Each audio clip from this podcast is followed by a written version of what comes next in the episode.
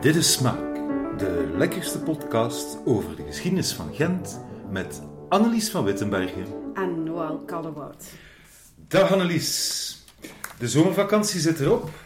Ja, helaas. Ehm, en vandaag maken wij een podcastje dat u misschien weemoedig gaat doen terugdenken als u naar de zee bent geweest aan uw verblijf daar. Stel u het geluid van de golven voor, het gevoel van de wind en de smaak van een lekker stukje vis. Kijk, zie Annelies, dat is uh, als bij toeval, maar uh, wij zijn deze zomer naar Italië geweest, naar de Marken, aan de Adriatische kust. Dus ik kan mij onmiddellijk iets daarbij voorstellen. Nu, podcastje over vis, goh, dat kan alle kanten uitgaan natuurlijk. Um, Waar beginnen we, zeg een keer? We gaan beginnen bij het lekker zetten zee. Over uh, zeevis, want eigenlijk is er over vis in de geschiedenis van Gent zoveel enorm. te vertellen. Enorm veel te vertellen. Um, en laat ons voor deze keer beginnen met ons verhaal buiten de Kuip. We zijn al vaak binnen zo de klassieke stad Gent uh, begonnen, maar uh, vandaag gaan we naar Maalte naar Maalte. Dus uh, weg van de koren en de graslei, de groentemarkt, de vismarkt. Weg daarmee, we gaan naar Maalte. Ja, zelfs weg van de vismarkt. Want waar dan nu de IKEA staat, ja. daar was er eigenlijk een heel oud middeleeuws dorpje. Het dateert van ongeveer de 7e tot de 9e eeuw en het is vrij recent helemaal opgegraven. Um, en um, uh, men heeft daar ook een aantal gespecialiseerde archeologen opgezet, archeozoologen, met een moeilijk woord. Dat zijn dames en heren die het uh, overgebleven botmateriaal, bot- en graadmateriaal gaan bestuderen. Ja, dat wordt interessant. Dat wordt interessant, want dat geeft natuurlijk ook wel een idee van alles wat daar binnen gespeeld is. Die mensen kunnen aan een klein fragmentje een heel beest reconstrueren. En zeker voor vissen is dat interessant. Hè? Je weet zelf dat die graatjes dat dat wat vergankelijker is dan een runse schenkel. Maar zij kunnen um, op basis van een graatje of een wervelke een hele vis gaan, uh, uh, gaan voorstellen. En wat vinden we daar op de site van de Loop? Wel, um, zoetwatervis, gelijk paling, snoek en karper. En dat is eigenlijk wel uh, voor de hand liggend. Die komen dan uit de nabijgelegen leien, Schelden? Ja, ja, de leien en de Schelden, dat is een beetje ver van Maalte. Um, maar uh, van de beekjes en kreekjes ah, ja, in de okay. buurt. Ja, maar onder de Ikea, op die site uh, van Maalte, is er ook haring gevonden. Haring? Een nu, als ik, wel, ik ging net zeggen, als ik nu niet mis ben, uh, haring dat komt niet uit beekjes. Dus uh, die haring die moet toch ergens op een andere manier daar terecht gekomen ja, zijn. En die komt uit de zee en ik vind dat een super mooie symmetrie. Hè? Want mm -hmm. tegenwoordig kun je in de IKEA ook nog haring kopen. Och, ja, natuurlijk. In ja, de Zweedse ja, shop. De Zweedse shop. Kun je van die pottekes ingelegde haring kopen. Hoor ik u zeggen dat de haring toen ook al ingelegd naar hier kwam? Ik denk dat wel. Mhm. Mm -hmm. Dat moet bijna. Want natuurlijk, haring is een Noordzeevis. Um, een, uh, een, een vis die in het noordelijk deel van de Atlantische Oceaan voorkomt. Dus die moet niet alleen een traject over land uh, gaan, uh, gaan afleggen, maar ook een traject over zee. Ja. Dus die haring, die is bewaard. Net zoals die potjes van Ikea, want die, die haring die is nog altijd ingelegd in azijn of gepekeld om een langere bewaringstijd uh, te garanderen. Ja. Um, en in, in de middeleeuwen zie je dat ook, dat die haring bewaard zal gebleven zijn. Want in de recepten voor haring, die beginnen stevast met was de haring. Of Omwille van het uh, veel zout? Zout, ja. ja. ja. Was de haring of laat de haring een nacht in water weken. Dus Ja. ging die smaak eh, weg. En als je al eens een recept voor verse haring vindt, dan wordt dat er heel expliciet bij gezegd. Dat was dus de uitzondering. En er zijn verschillende manieren om haring te verwerken. Je kan het roken en drogen. En je kan die bewaringsmethoden combineren met zouten. Uh, dat bestaat ook nog altijd. Hè. Een kipper is een gerookte haring, of een bokking is een, een gerookte en een gezouten haring. De Eskimo's mogen dan tientallen woorden voor sneeuw hebben. In het Nederlands taalgebied heb je heel veel woorden voor verschillende soorten haring. Ja, ja, ja, ja, ja. Gaande van maatjes tot, uh, zoals ze zegt, kipper, bokking, uh, rolmops, rolmops noem maar op. Nu, um, die haring wordt dan van op zee naar binnenland gebracht. Dat gebeurt met paard en kar, of waarschijnlijk via uh, boten uh, langs Leien en Schelde ja, uh, ja. naar onze stad. Zeker in um, het geval van, van Malte ja. zal dat moet wel langs Leien en Schelde zijn. Later zullen we zien dat er nog een andere waterweg als optie bij komt. Maar er, die was er nog niet ten tijde van de site van de Loop. Ja, en, en trouwens, ja, de, de site van de Loop, wat zeg jij, 8e, 9e eeuw? 7e, 9e eeuw. Ja, 7e, 9e eeuw. Dus dat is al een een hele tijd geleden. Ik vind dat wel wonderbaarlijk dat er dan al zo, uh, zeg maar, handelstrafiek is. Want ja, die haring zal moeten gekocht worden.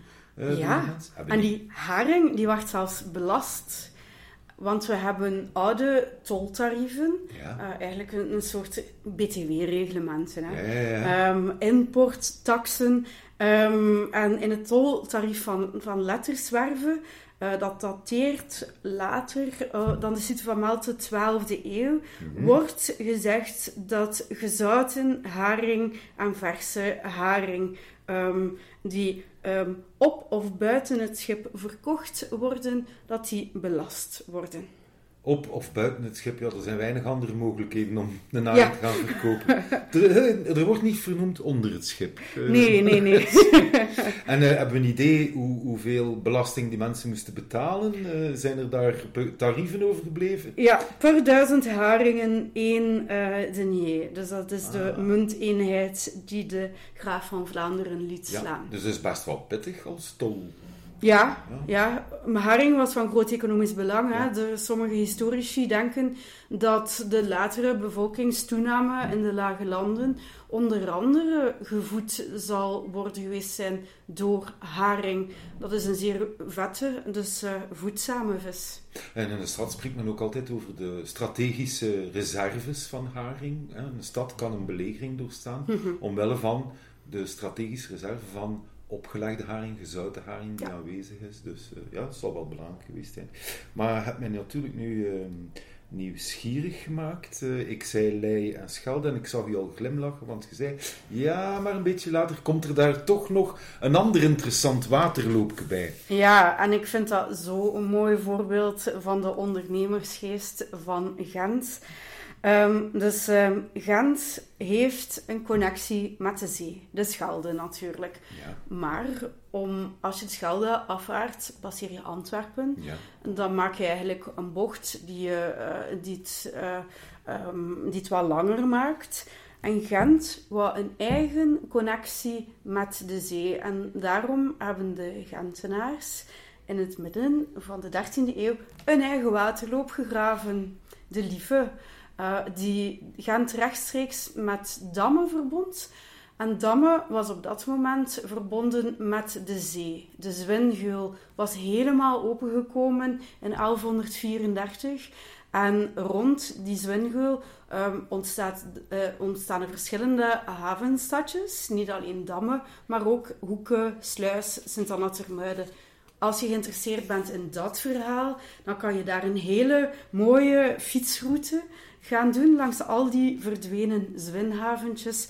En die fietsroute is uh, gemaakt door uh, de mensen van Universiteit Gent. En ze glundert een beetje, lieve luisteraars, want uh, de mensen van Universiteit Gent, zij is een van de mensen van Universiteit Gent, die die hele mooie en aan te raden fietsroute in elkaar gestoken heeft. Nu, Annelies, ik ben altijd heel onder de indruk geweest, het moment dat ik begon mij een beetje in te lezen over de lieve. Eigenlijk ook wat voor um, architecturaal gegeven, wat voor moeilijk gegeven dat dat was om dat te graven. Want je zou denken, dat gaat van plat naar plat, hè, Gent uh, en dan Damme, de zee. Maar er zit heel veel niveauverschil tussen Gent en Damme. En het feit dat de lieve compleet met de hand gegraven is, dat vind ik zo fenomenaal. Ja, om dat hoogteverschil te um, overbruggen, uh, heeft men sluizen gegraven en men heeft die sluizen rabotten genoemd.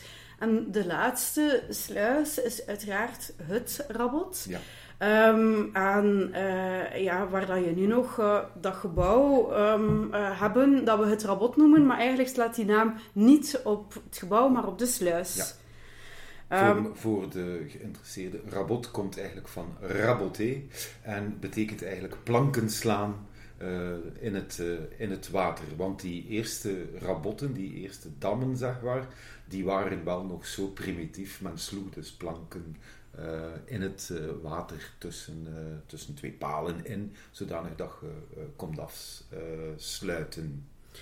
En als je geïnteresseerd bent in de loop van de Lieve, dat is eigenlijk ook een heel mooie fietsroute. En dan ga je zien dat je af en toe ook eens een straat passeert die nog altijd Rabot noemt. Zeer juist. Goed, um, nu, we hebben de Lieve. En ja, de Lieve die, die begint aan het Gravensteen en uh, die loopt dan naar Damme. En ik kan me inbeelden, via de Lieve kwam er uh, wijn uh, naar Gent, maar dus ook die vis, die haring. Um, werd die haring voor onze kust ge gevangen? heb, je, heb je daar een idee van? Of kwam die van veel verder? Kwam die van het uh? Daar heb ik geen idee van.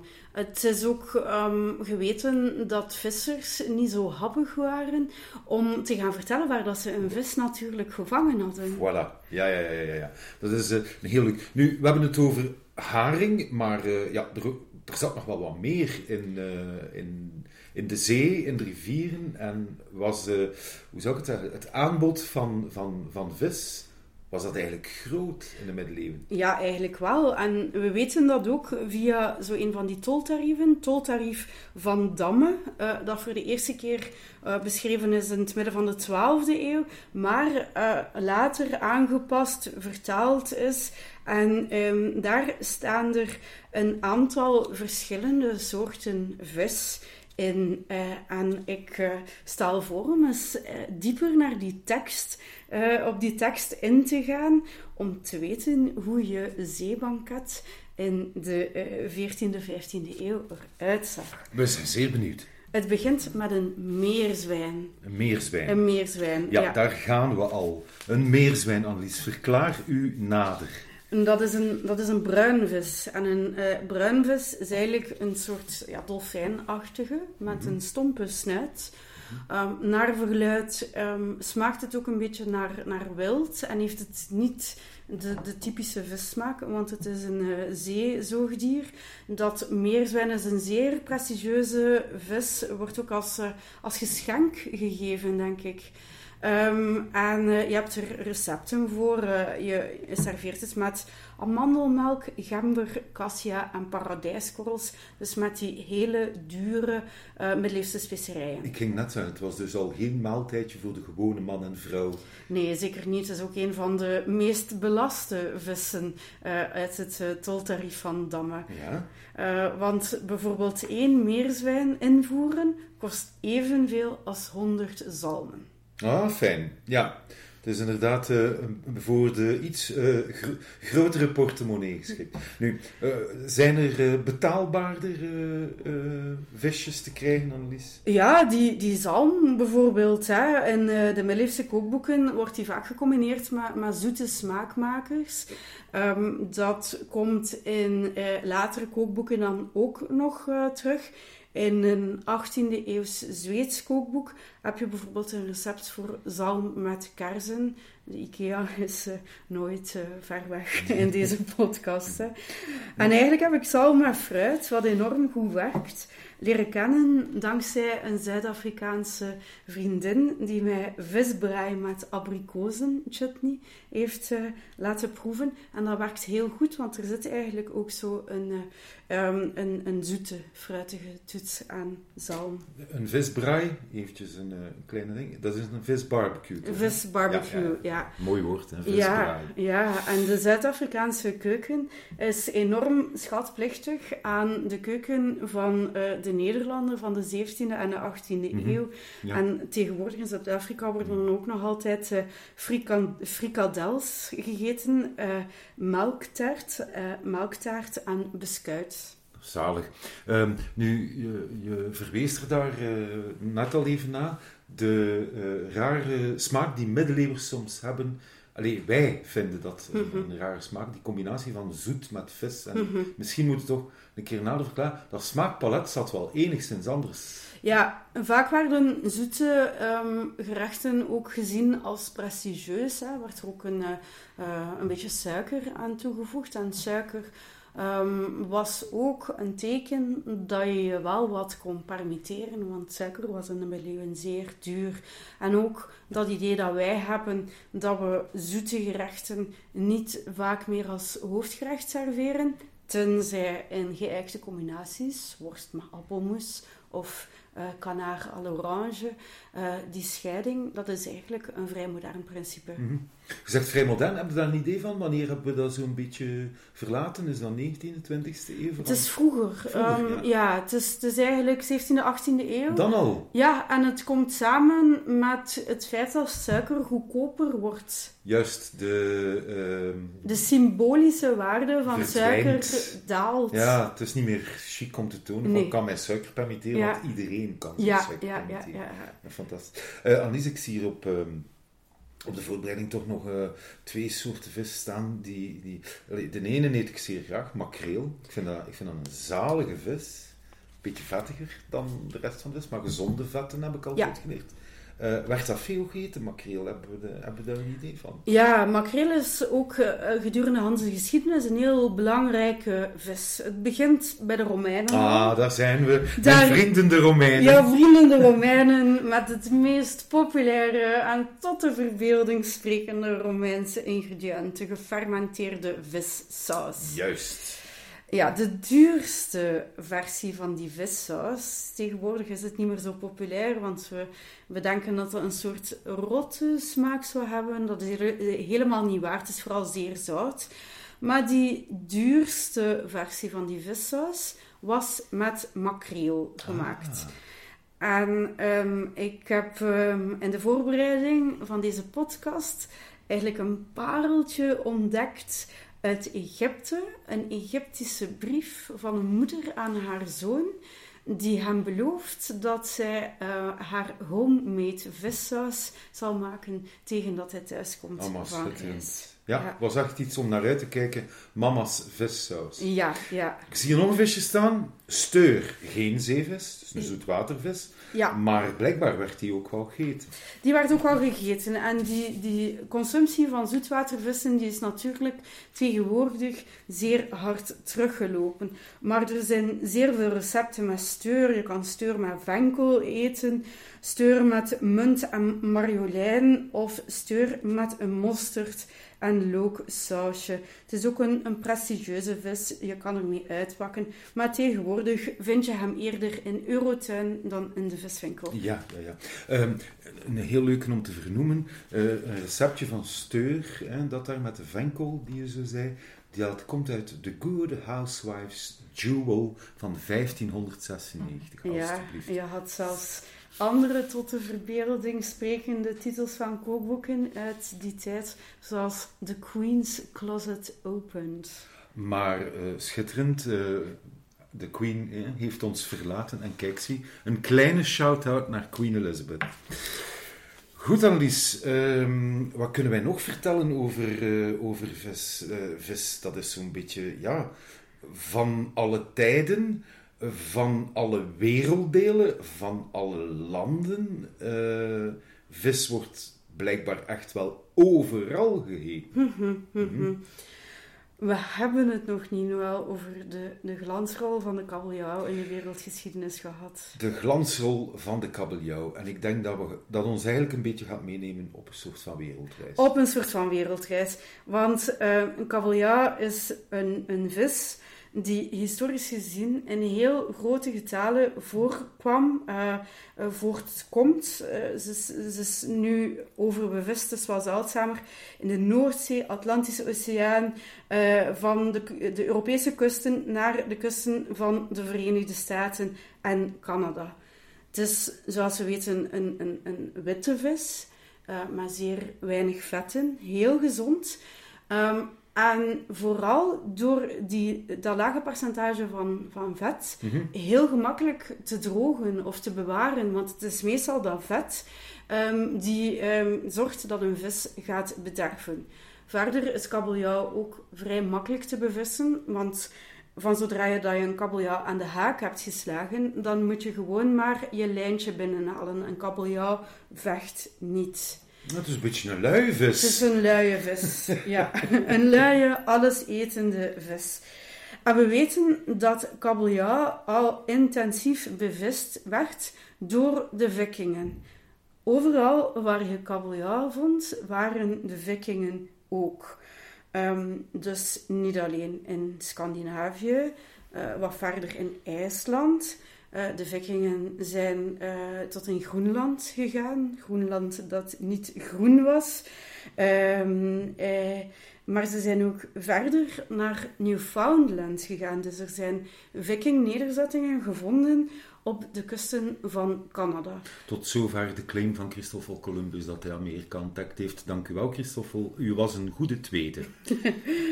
Ja, en uh, dus, dus de vikingen uh, hebben die, die kabeljauw altijd gedroogd. Ja en gebruikt om dan hun andere um, ontdekkingstochten ook mogelijk te maken. Ja, dus het feit dat die vis zo goed bewaart, kunnen ze hem ook meenemen op reis en kunnen ze dus die lange afstanden afleggen, omdat ze kunnen teren op kabeljauw, misschien ook wel haring zullen ze mee gehad hebben. Ja. Een indruk dat vikingen, als ze op zee waren, wel zeer goed wisten wat de zee te bieden had. Mhm, ook, mhm.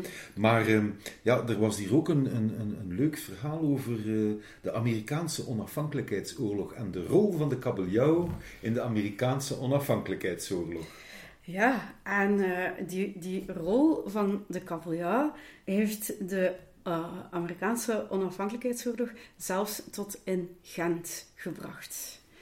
Want uh, uh, wanneer je gaat winkelen in de Esprit, mhm. dan moet je eens kijken naar de gedenkplaat die aan de gevel van de Esprit bevestigd is.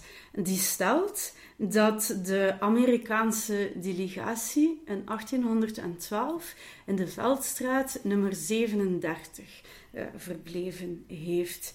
De um, Amerikaanse delegatie onder leiding van John Quincy Adams, die dan later ook president zal worden.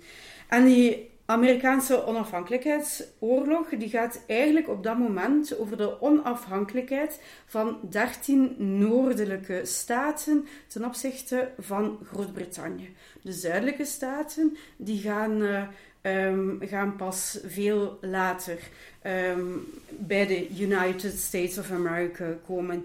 Um, in 1776 hadden die een um, onafhankelijkheidsverklaring getekend. De, de 4th of July was dat. Maar later zijn er nog een aantal oorlogen um, uitgevoerd. En die oorlogen, de, uh, het gaat over de oorlog van 1812, die onder andere ging over het vissen op kabeljauw. Mm. Want die noordelijke staten die hadden ook wel uh, gezien dat je voor de, uh, de Grand Banks, de onderzeese ja, ja. um, uh, zandbanken, dat je daar enorm veel kabeljauw had. Ehm, en de zuidelijke staten wouden die Grand Banks ook gebruiken om daar kabeljauw te gaan vissen. En een van de dingen die een Gent betekent, is, is het recht van de zuidelijke staten om die Grand Banks voor de visserij te gebruiken. De noordelijke staten trekken ze zich daar eigenlijk niks van aan. En tot op de dag van vandaag is die visserij in dat gebied nog altijd een betwiste zaak. En dat heeft nog altijd te maken met de Treaty of Ghent. De Treaty of Ghent, die trouwens uh, in het huis van een enorm invloedrijke stadsgenoot is uh, betekend. In de spiegelzaal van het uh, Kartuizerklooster slash fabriek van Lievenbouwens, die een zeer invloedrijke Gentenaar was. Ja, Lievenbouwens, we zullen het er later misschien nog over hebben. Ik denk dat die man ook wel uh, grote diners wist, uh, wist in te richten.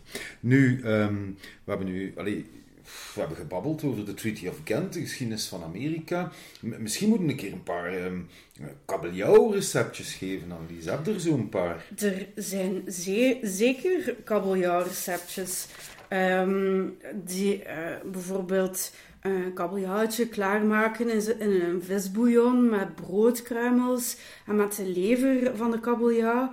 Um, je, um, je kan um, vertrekken van bacalao of uh, gezouten en gedroogde kabeljauw en die dan laten, laten weken, uh, die je dan wast.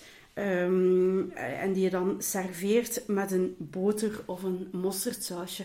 En eigenlijk is een kabeljauw zelfs lekkerder als hij gedroogd is geweest ongedroogd en vers is die relatief um, ja, eenvoudig, eendimensioneel van smaak. Ja. Maar als je die, die zout en droogt, gaat die smaak veel interessanter worden. Kijk, dus um, eigenlijk beter uw, uw kabeljauw gedroogd kopen en daarna wassen en, en, en, uh, en, en klaarmaken.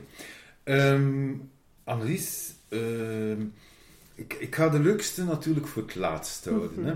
Maar ik zit zo te denken, een pladijs. Werd dat al ge, gegeten in, uh, Zeker. in vroegere tijden? Ja, ja, ja. Uh, een pladijs werd gegeten, beschreven en zelfs getekend. En ik, ik, wil u even meenemen naar het visboek van Adriaan Koenen. Adriaan Koenen is een vishandelaar uit Scheveningen in Nederland. Um, die een, uh, een, een, een, boek over vissen in de Noordzee heeft geschreven, waar hij zelf ook allemaal hele mooie tekeningen bij gemaakt heeft. Is dat ja. boek ergens te zien? Uh... Dat boek is te zien op de, um, op de website van de Koninklijke Bibliotheek van Nederland, waar dat uh, bewaard wordt. Schitterend. Ja, en die, die man, het, het, het, is fantastisch om te zien, want zijn, zijn tekeningen doen tegelijkertijd spectaculair, maar ook ja, kinderlijk eenvoudig aan. Die heeft bijvoorbeeld het, het, um, uh, een gestrande walvis um, uh, getekend. En dat visboek werd in zijn tijd in de 16e eeuw ook tentoongesteld. En je kon dan tegen betaling naar dat visboek gaan kijken. En de pladijs heeft hij zelfs twee keer getekend. Mm. Eén keer vers, dus een pladijs is een platvis, leeft ja. op de bodem van de zee, heeft zijn twee oogjes zo op zijn bodem, uh, bovenkant, is ruitvormig, een beetje groen-bruin. En vers heeft hij van die mooie oranje um, bolletjes. Ja. Eh, maar um, Adriaan Koenen heeft hem ook gedroogd getekend, zonder hoofd, gekrompen en kleurloos omdat um, in Scheveningen, waar Koenen gevestigd was, uh, er um, enorm veel gedroogde uh, pladijs beschikbaar was. Ja, gedroogd pladijs die trouwens heel lekker is, maar wel heel zout ook kan zijn. Nu, we gaan stilaan naar het einde van deze eerste aflevering na onze zomervakantie. En ik heb het daarnet al gezegd, Annelies, ik vind het schitterend. We hebben de laatste, de laatste is eigenlijk de beste. Want het gaat over een vis waarvan dat iedereen, iedereen de Engelse naam kent, maar misschien toch niet door. Toch niet weet. Vertel. Vertel. Wauw. Um, in de strips van Kuifje heeft Hergé een van onze meest geliefde uh, personages vernoemd naar zijn favoriete vis. Hij komt voor de eerste keer voor in de krap met de gulden scharen. En hij was beroemd, berucht door zijn gebruik van scheldwoorden. Zoals daar waren basjiboezoeks, zuipschuiten, ladderlui, enzovoort en zo verder. We hebben het over niemand minder dan... Kapitein Haddock. Kapitein Haddock. Kapitein Schelvis dus eigenlijk. Zalig, kapitein Schelvis. Hoe kwam Hergé daarbij om dat figuurtje Haddock te noemen? Ja, gewoon omdat dat zijn favoriete vis was. Hij was, uh, hij, hij, was verzot op de gerookte schelvis. Uh, hij en zijn vrouw Germaine aten dat bijzonder graag. Ja. En dat zal hun inspiratie geweest nu, zijn. Schelvis is een enorm lekkere vis ook. Ja. Uh, daar zijn waarschijnlijk ook wel een heel hoop receptjes voor. En ze moeten maar een keer gaan zoeken. Achter een, uh, is trouwens nog niet zo lang geleden, denk ik zelfs, vis van het jaar geweest. En uh, misschien, ik wil wel als uh, afsluiten, Annelies. Jij als, als foodhistorica, wat vind jij nu van het feit dat dit jaar de vis van het jaar de grijze zeegarnaal is? Ja, ik... Ik, uh, ik vind dat een, een, een, een, weinig voor de hand liggende keuze. Laten we het diplomatisch daarop houden. Goed, en om dat dan nog als laatste aan te vullen, wat is jouw favoriete vis en favoriete visreceptje? Um, wel, ha, dat is misschien nu ook omdat ik er juist aan denk door, door die kapitein Haddock. Um, ik, ik heb een heel lekker uh, recept voor uh, schelvis met tomaat. Met, tomaten, blokjes en, uh, en ajuin. Dat is, dat is echt iets dat deze tijd van het jaar wel kan smaken. Dat uitgesteld etentje, dat moet er toch snel een keer van komen, Annelies. Zo, luisteraars, dat was het voor deze keer. binnenkort een volgende podcast Smaak. Vergeet niet, dit is Smaak, de lekkerste podcast over geschiedenis van Gent, met Annelies van Wittenbergen en Kalwoud.